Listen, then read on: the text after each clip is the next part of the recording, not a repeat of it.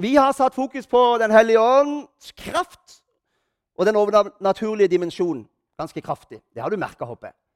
Vi har valgt liksom å ha det som et sånn sterkt område med sterk fokus i den tid vi er inne i akkurat nå. Det er ikke et tilfeldig valg. Det er for noe vi har kjent på det. Det trengtes, og det var riktig, og vi følte det var ledet av Den hellige ånd. For meg blir det fort litt sånn naturlig at jeg fokuserer på kraftsdimensjonen, på åndens ledelse, ved tegn, ved under, ved mirakler. Det ligger liksom litt til meg da. Og kanskje har noen tenkt Men blir ikke det et litt smalt spor? Og du har ikke tenkt galt. Og du tenker ja, men hva med livet? Og hva med livet sånn som vi faktisk opplever livet? Hva med den ærlighetsteologien? Og du var innom det, Miriam. Hør nå, Elisabeth. Hvor mange var her forrige søndag? Må flytte den. Den var i veien. altså. Og den er jo i veien. Sånn. Hvor mange var her forrige søndag? Bra. Når Elisabeth prekte så flott om, om eh, et livsnært liv Det var et åpen, det var en ærlig tale. Den var mer sjelesørgerisk. Det var om Jesus som, som eksempel og forbilde i hverdagen. Det var om helliggjørelse det var om den personlige, indre kampen, det var om valg, så er faktisk det akkurat den samme dimensjon over det samme emnet. Ja, er det det samme emnet, sier du? Fokus på Den hellige ånds kraft og den overnaturlige dimensjon. Som det du nevnte nå. Ja, det er samme emne. Og Det er lett å holde de to tingene fra hverandre, men det er samme emne jeg skal forklare. Hør nå. Følg godt med. Dette er strekt ut med gult her. Det betyr at det er viktig. Den hellige ånds kraft er like fullt som overnaturlige eh, manifestasjoner Guds dype verk i våre liv. Hørte du hva jeg sa? Den hellige ånds kraft er like fullt som overnaturlige manifestasjoner Guds dype verk i våre liv. Sitat Wilhelmsen, faktisk. Når noen mottar indre legedom, blir satt fri, så er det faktisk en overnaturlig manifestasjon av Guds kraft. Det er bare det ikke synlig. Men et, et, mirakel, et ytre mirakel, det er synlig. Og utover det er det ingen forskjell. Det er like stort begge deler. Ofte så føler jeg at vi setter disse tingene litt opp mot hverandre. Har du opplevd det? Eh, når du møter noen som har et annet fokus enn det. Kanskje er du som meg da, og har litt fokus på, på den sterke åndskraftsdimensjonen. Det har jeg. Og så møter du noen som har et annet fokus, mer på de indre tingene og på forløsning innvendig. Og, og så blir det ofte en sånn følelse av at man ikke helt kommuniserer veldig godt alltid. Prater forbi hverandre, forstår hverandre ikke helt. Og Kanskje noen til og med har tenkt om andre at eh, de syns den eller den er både svermerisk og svevende og livsfjern. Mens den andre igjen syns om den andre at det, eh, her var det mye menneskelig orientert, gitt. Uten skikkelig helligåndskraft. Sette det på spissen nå. Hør, vi ønsker som menighet at Herren skal ta oss videre, ta oss dypere. Og da er det indre livet avgjørende, helt selvfølgelig. Indre sår, gjenopprettelse, selvverd, identitet. Det kommer vi aldri forbi. Og hør, Får man ikke denne dimensjonen med seg, men fokuserer alene på nådegavene, på kraften, på tegn og under, så ender man opp med en ytre kraft som fungerer, ja. Men uten et indre, fast fundament. Og det kan bli litt av et liv. Du kan fungere sterkt i Herrens kraft uten å være lekt, uten å være i balanse, uten å ha tatt et oppgjør med en del indre ting. Det sier mer om Gud enn om det. og da er det veldig fristende når du kommer inn i noe som er sterkt, og du ser Gud virker. Jeg er fullt klar over det. Så er det veldig eh, fristende å bare kjøre på på det endimensjonalt. For det skygger liksom over de indre tingene, de tingene du egentlig skulle latt Herren få jobbe med på dypet. Det er mye gøyere med det her. vet du. Tegn og mirakler. Er det deg sjøl du snakker om, Geir? tenker du? Det vet jeg ikke. Jeg håper ikke det, men eh, sikkert litt. Ditt indre liv skal du jobbe sammen med Herren. Du skal jobbe sammen med Herren med ditt indre liv resten av ditt liv. Jeg vet ikke om du syns det var en god tanke eller en dårlig tanke. Litt slitsom tanke. Men hør, ingen av oss Kampen blir vi aldri fri. Han har vunnet evig seier, men kampen vi står i, blir vi aldri fri på denne sida av livet, holdt jeg på å si. Altså en utrustelse av Den hellige ånd med all sin kraft og alle sine gaver, men like sterkt et indre åndens verk parallelt knytta og vevd sammen. Går det an, da? Da kan du si amen hvis du tror det går an. Det var tre stykker som trodde det går an.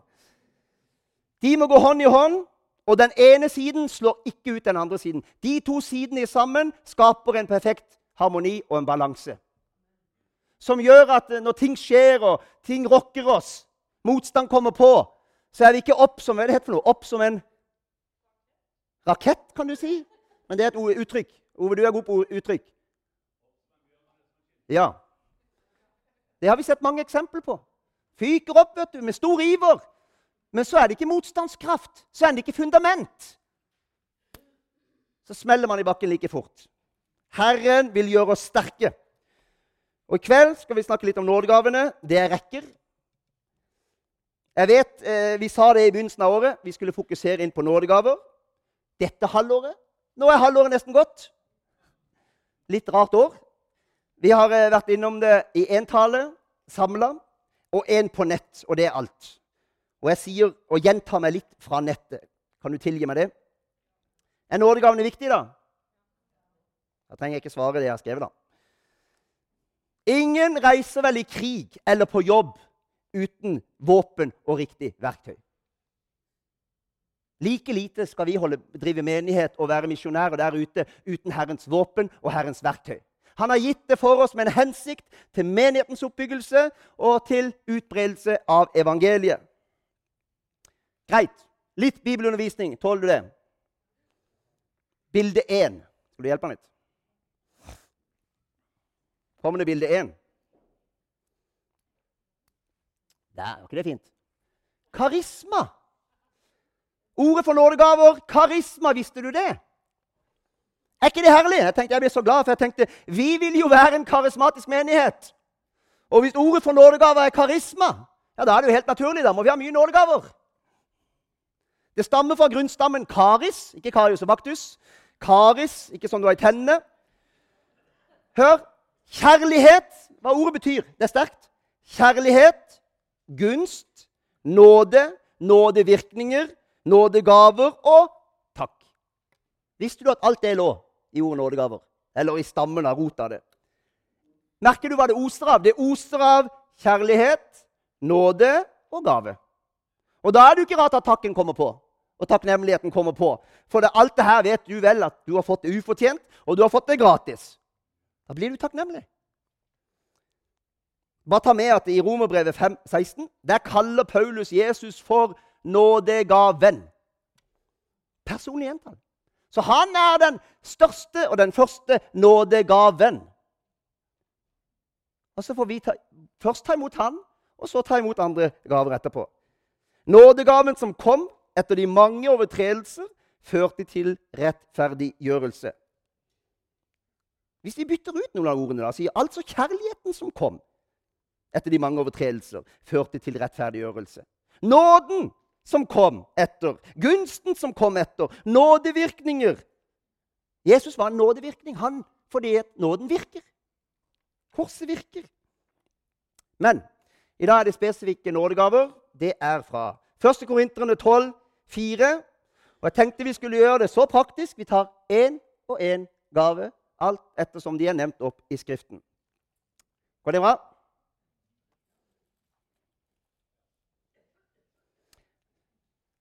Alt dette virker den ene og samme ånd, som deler ut sine gaver til hver enkelt, slik han vil. Hvem er han? Den hellige ånd.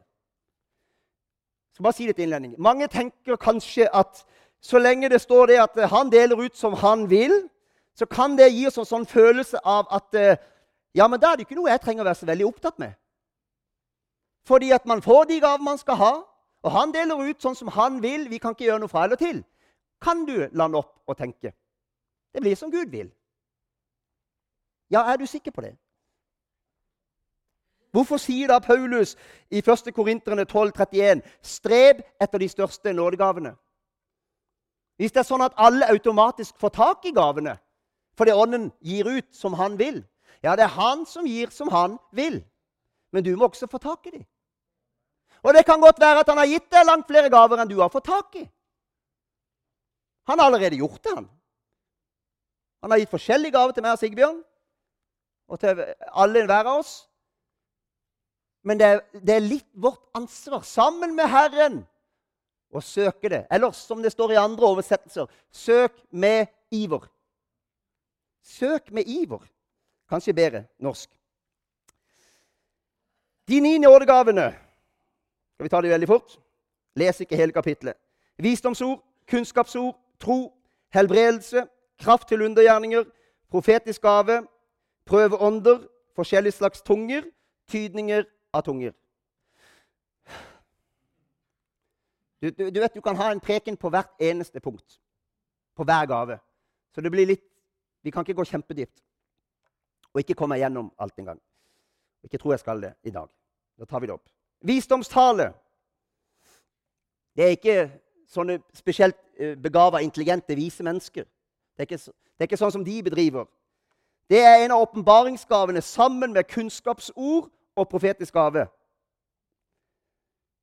Og jeg har lyst til å si Generelt så går det faktisk an å si at denne visdommen det er en åndelig visdom som skal hjelpe oss til hva da? Å forholde oss rett i livet, og lede rett og ta rette avgjørelser. Vi tenker av og til litt for smått om nådegavene òg. Vi tenker at nådegavene er til i et, i et ettermøte. Når jeg skal gi et ord til noen, så får de et visdomsord eller et kunnskapsord. For mange har kunnskapsord bare blitt når predikanten eller andre sier det er noen her inne som har et vondt kne. Kom frem. Det er alt de tenker et kunnskapsord er. Det er langt mer enn det. Og et visdomsord kan også være mer enn bare et ord i et ettermøte eller i en samtale. Det handler også om denne guddommelige visdommen som man kan bli gitt til å leve rett, til å lede rett, til å ta rette avgjørelser.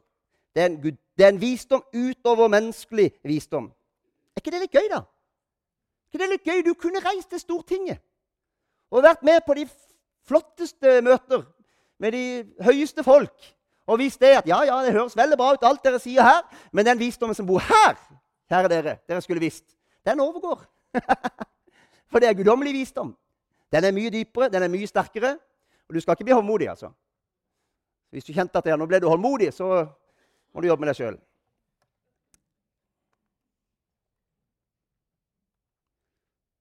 Dere skal ikke være bekymret for hva dere skal si. Si det som blir gitt dere i samme stund, for det er ikke dere som taler, men Den hellige ånd. Det er også visdomstale.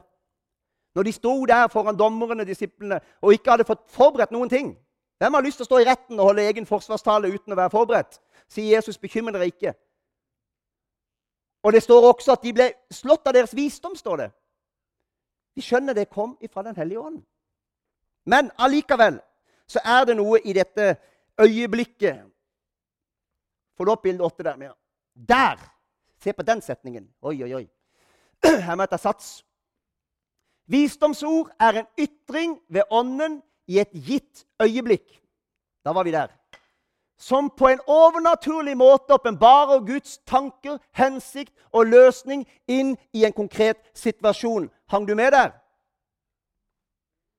Overnaturlig åpenbaring. som på en overnaturlig måte åpenbarer Guds tanker og hensikt og løsning inn i en konkret situasjon. Forløsningsord, har du hørt om det? Mange her kan vitne om det. Jeg har fått så mange tekstmeldinger og hørt så mange vitnesbyrd fra mange i denne menigheten som har vært i vanskelige situasjoner som de ikke ser noen vei ut av. Og De stresser og styrer. Og så kommer det en tekstmelding, så kommer det en telefon, eller de får et ord fra noen som var rett inn i tiden, rett inn i situasjonen, og som blir mer enn, det blir mer enn ord. Det, er nesten, holdt på å si, det er nesten magisk, men det er ikke magisk, men det er åndelig. Hvor et bibelvers eller noen ord blir langt mer enn bare de ordene og bokstavene. Plutselig så, så forløser det noe inn i en gitt situasjon.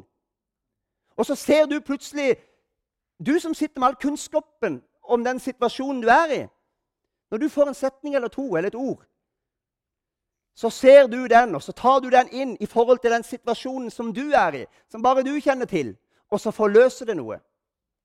Har noen opplevd det? Har vi litt mer å gå på? Herlig. Må jo ha noe å jobbe med her. Det kan være rette svar i tvister. Har vi et eksempel på det i Skriften? Kommer dere på noen? Salomo, som løste konflikten mellom disse to mødrene som krangla om dette barnet. Tror du han tok det av seg sjøl? Nei, nei, det var visdommen fra Herren. Visdom kan bli gitt i drømmer, det kan komme som en røst, det kan være en profeti. holdt jeg på å si. Kan faktisk Det Det går litt sammen. Det kan være en innskytelse. Kunnskapsorda, de der to er vanskelig å holde fra hverandre av og til. Peter fikk antagelig et kunnskapsord når han avslørte Ananias og Safira. De hadde jo holdt det skjult.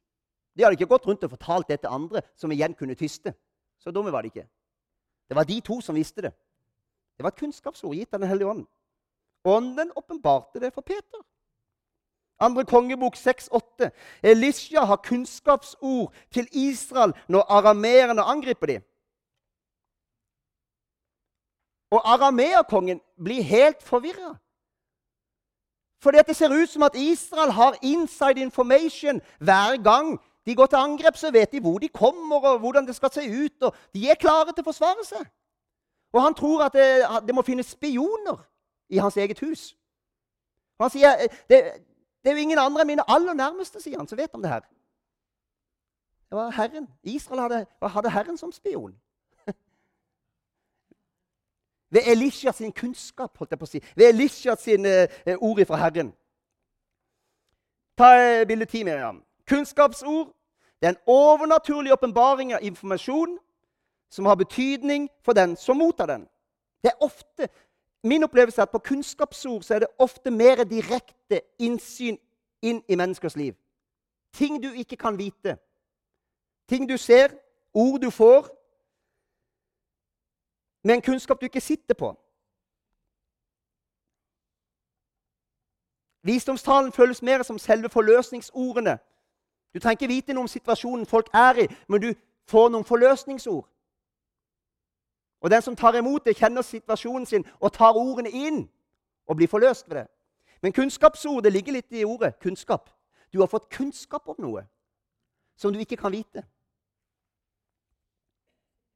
Under forbønn opplever vi ofte det. Men det er ikke bare til møtene våre. Og det tror jeg vi har lett for å tro, at alle nådegavene er bare til for her inne. Nei, det er ikke det. Nådegaven er til for der ute òg. Tenk så gøy når du kan gi et kunnskapsord til et ufrelst menneske på jobben. Jeg taler Gud gjennom oss som er frelst, til ufrelste? Ja, selvfølgelig gjør han det. Han etterjager jo alle mennesker. Han som vil at alle skal bli frelst.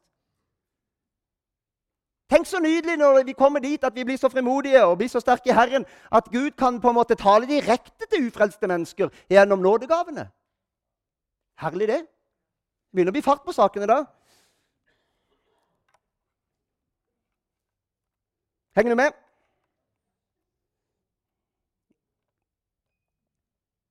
Og så var det det jeg sa i stad. Sånne kunnskapsord som vi ofte hører predikanter sier. Det er noen her som har vondt her og der. Min erfaring er at når Herren virker på den måten, så er det lurt å respondere. Kan vi bare si det sånn? Det er veldig lurt å respondere. Hvorfor det? For Hvis Herren først gir et kunnskapsord, så er det med en hensikt akkurat der og da. Ellers hadde han ikke gitt det. Da må du respondere. Så vær så snill. Kommer det kunnskapsord, og du vet at det er en plage jeg har. Det gjelder meg. Hold ikke igjen.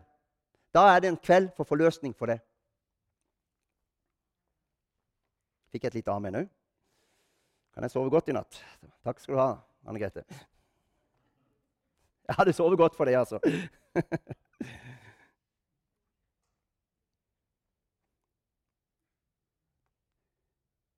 Nådegave til å tro. Der blir en del forvirra nådegave til å tro. Tror vi ikke alle sammen, da? Jo, vi gjør jo det. Ja, har vi alle den nådegaven som det står om her? Nei. Alle har vi fått trosgaven når vi tok imot Jesus. Det er bare gave alt sammen. Det er bare nåde alt sammen. Men nådegave til å tro Bilde 11. En klippefast tillit og en dristighet utover det alminnelige. Jeg vi tar den en gang til. den. En klippefast tillit og en dristighet utover det alminnelige. Hva mener vi med alminnelig? Jo, du har ditt alminnelige Kristusliv. Med din an... Forstår meg rett. Med den troen du har i det, i det daglige, så kan du komme i situasjoner hvor det, der, det, det føles som det strekker ikke til. Du har bare ikke nok tro for det. Det har vel alle opplevd. Du har bare ikke nok tro for det. Så kan du oppleve, og jeg har opplevd det personlig, at Ånden kommer over deg og gir deg det du ikke har. Det er ekstra inn i en gitt situasjon for at du enten skal stå løpet ut eller skal kunne klare å bryte igjennom med noe. Hvor mange har hørt folk si ja, jeg fikk tro for det? Det har litt med det å gjøre. Plutselig kan du få tro for noe som i det ytre virker helt crazy. For ikke ligger noen ting til rette. Ikke har du eh, holdt på å si, ressursene i deg sjøl. Ikke har du pengene. Ikke har du noen ting. Men plutselig begynner du ut av intet nærmest å få tro for noe. Og du tror du er blitt gal. Noen ler for de kjenner seg igjen. Det begynner å komme noen sånne vidløftige tanker som du tenker nei, det er lett å kaste de vekk. Det kan også være en trosgave.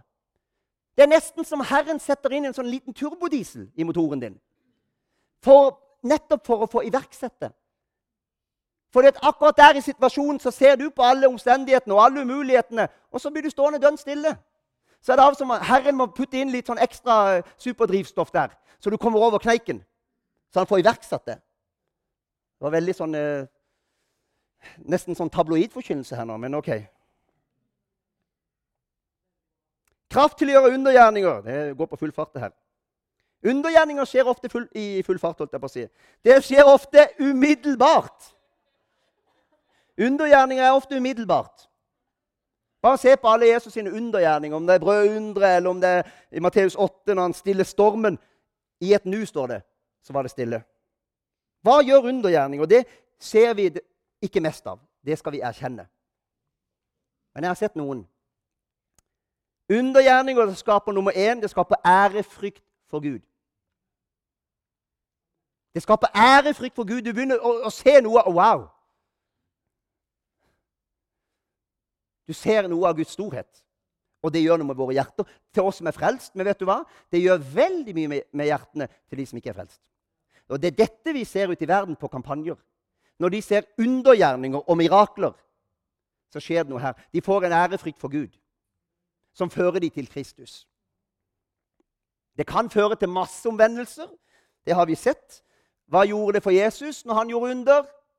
Førte til opphopning av mennesker.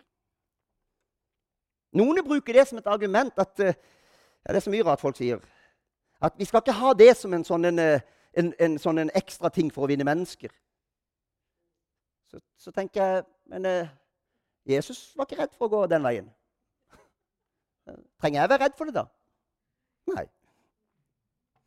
Det er godt å være litt enkel av og til òg. Jeg har fortalt om Rikard Lundgren, som var på kampanje. Og så kom det folk og ville ødelegge møtet. Har dere hørt det?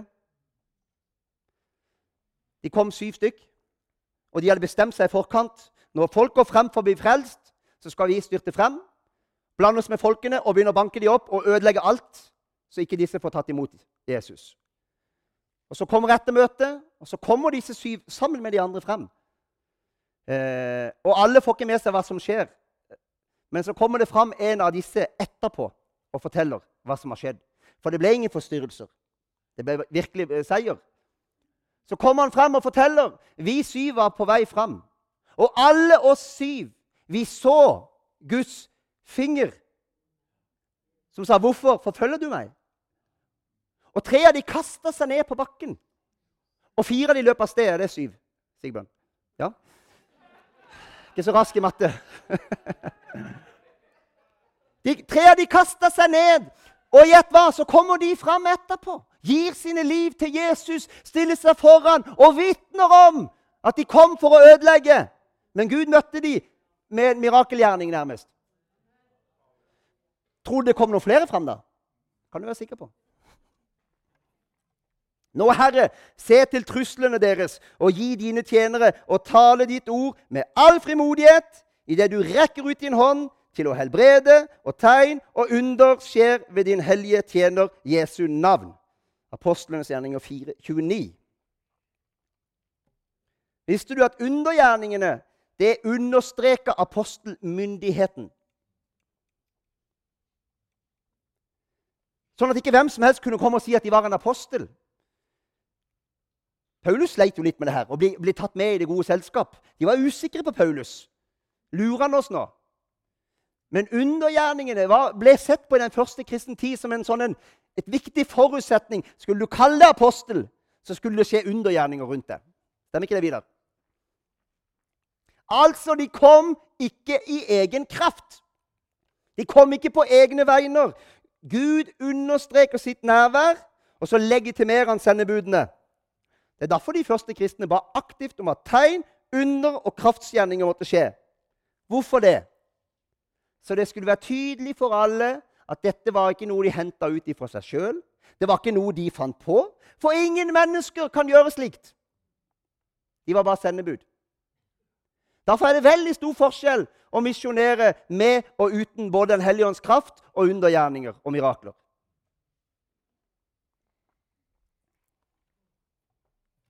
Helbredelse.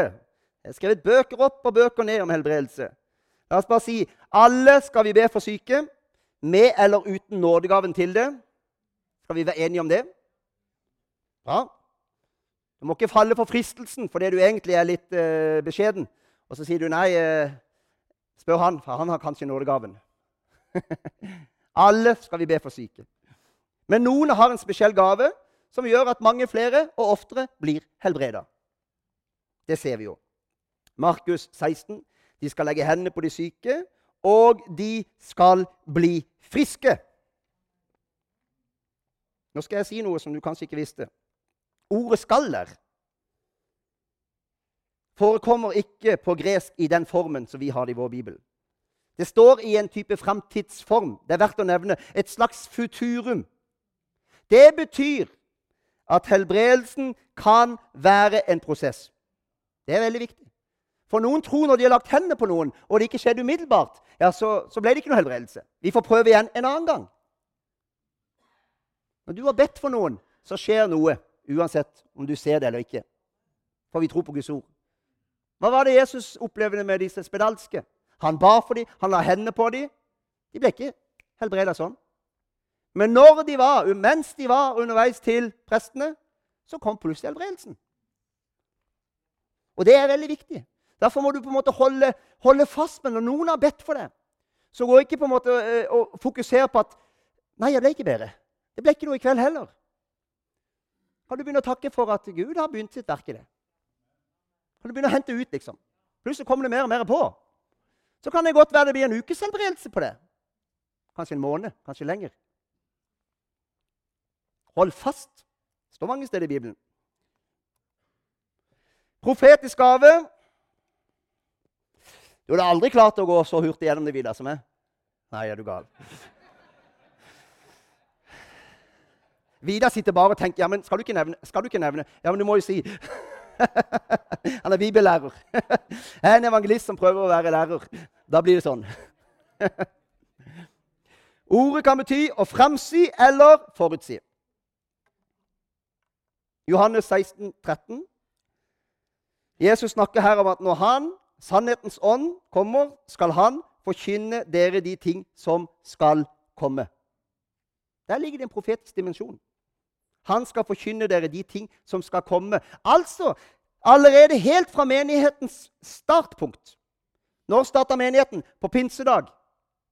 Når Ånden kom. Og de var på loftet, holdt jeg på å si. 3000 frelst på en dag. Det var Åndens komme. Og fra den dagen der så skulle Ånden begynne å informere dem om de ting som skulle komme. Så Herren hadde tiltenkt at den profetiske gave skulle være levende og virksom fra første stund og til han kommer igjen. Apostlenes gjerninger 11.27, Agabus.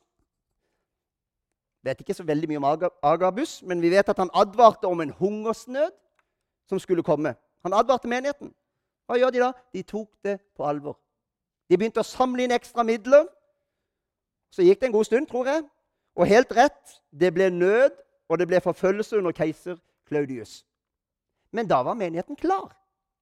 De hadde forberedt seg, de hadde samla inn midler, så de hadde mat. Så de overlevde.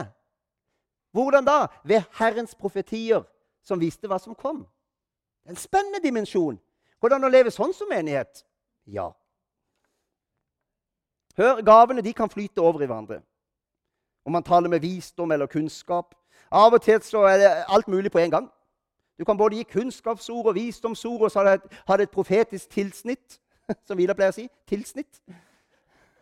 Profetisk tilsnitt. Og det er ikke veldig nøye om du vet hva du holder på med til enhver tid.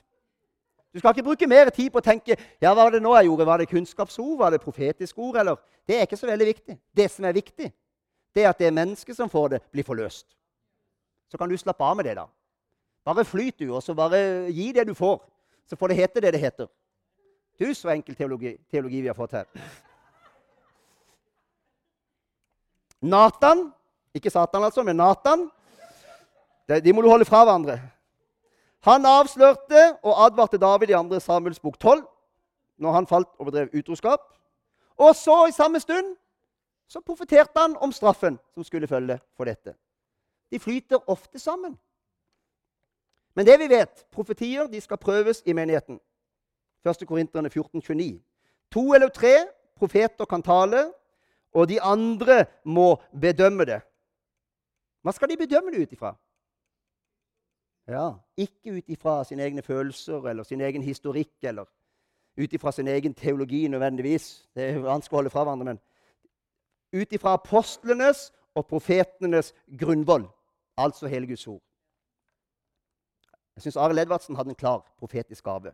Når du leser hans bøker, så ser du at mye av det han talte om for 20 og 30 år siden, som handla om samfunn og verden, faktisk, og menighet, så ble det sånn. Han lå veldig langt foran. Samtidig så er dette et sånn et vanskelig område å gå inn i, alt som har med profeti. For det er mange av oss har mye forskjellige erfaringer med eh, profetier, kanskje. Hørt profetier, sett at det ikke ble noe av, og det gjør noe med oss.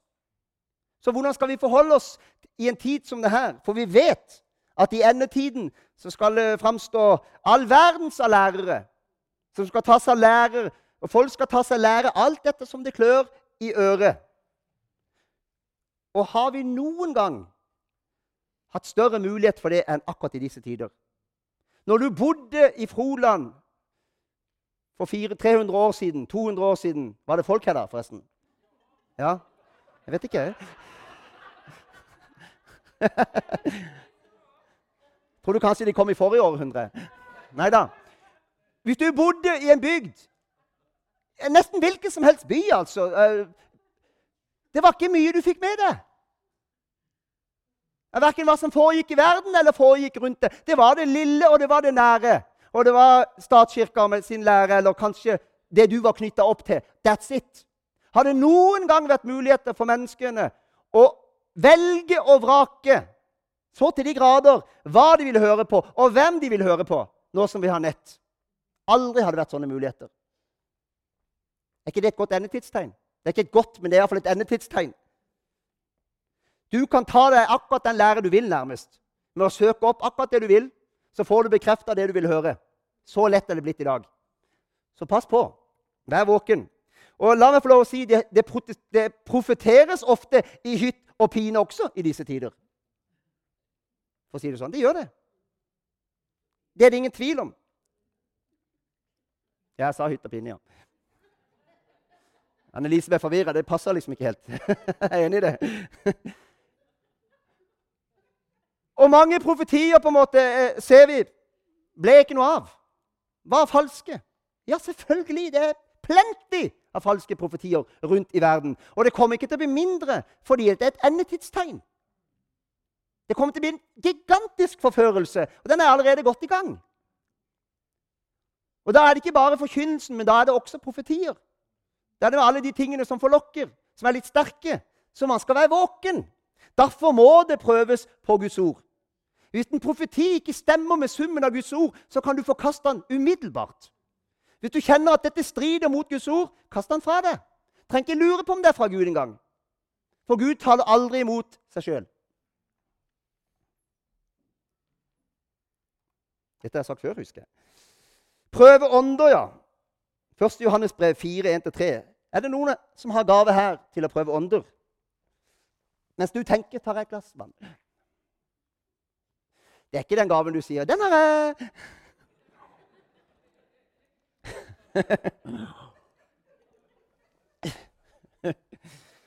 Sorry.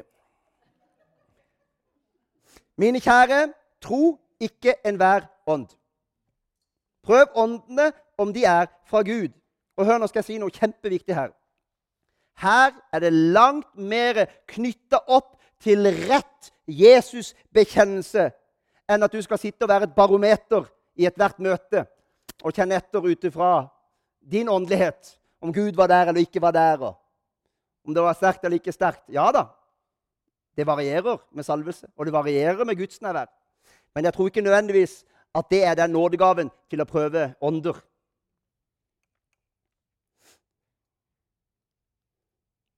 Hver ånd som bekjenner at Jesus Kristus er kommet i kjøtt og blod, er av Gud. Men enhver ånd som ikke bekjenner Jesus, er ikke av Gud. Det var så enkelt, det. Er det av Gud, eller er det ikke av Gud? Det er den som bekjenner at Jesus er kommet i kjøtt og blod. Så Bibelen er ikke sånn eh, overspirituell alltid. Det er veldig enkelt akkurat her. Noen mennesker er mer fintfølende enn andre. De kan faktisk kjenne litt inni seg hva som kjennes rett og sant og ekte og falskt. Og hvis du har kjent litt på det, uten å egentlig ha spurt om gaven engang, uten å kanskje ville ha gaven, så skal du dvele litt ved det. Søk litt samtale. Snakk med Herren, ikke minst. Kanskje har han gitt deg den gaven. For vi trenger den gaven blant oss. Vi fikk et menneske inn her en gang i tiden. Husker du det, Roald? Som heiv seg med på et bønnemøte. Ingen av oss hadde sett henne. Eh, og det var en voldsom historie vi fikk om kreft og alt mulig. Og helbredelser. Det var voldsomt. Og Jeg kom litt seint til det bønnemøtet, og jeg skal ikke skryte av meg sjøl, for jeg tror ikke jeg hadde den gaven. Så jeg ble sittende og høre litt på det her, og jeg fikk ikke fred inni hjertet mitt. Og jeg tenkte her er det noe rart. Det var ikke lett å avvise henne heller. Og så var, viste det seg at det var ei, ei av disse kjente, store eh, bedragerne vi har, som du kanskje har lest om i avisene til og med, som reiser rundt overalt og bedrar mennesker på det groveste. Det var ikke av Gud. Men det er en vanskelig gave. Jeg skal innrømme det. Men det er en viktig gave for menigheten. Hvor er klokka nå? Hva mener du, Miriam? Hvor lenge holdt på nå? 40 minutter? Ja. Det er fint. Lovsangere? Kom da. Det går an. Det går an. Skal du synge eller spille alene? Jeg lover å ha litt glede i Guds hus. Litt forløsning og litt latter og spontanitet. Det var en rask gjennomgang.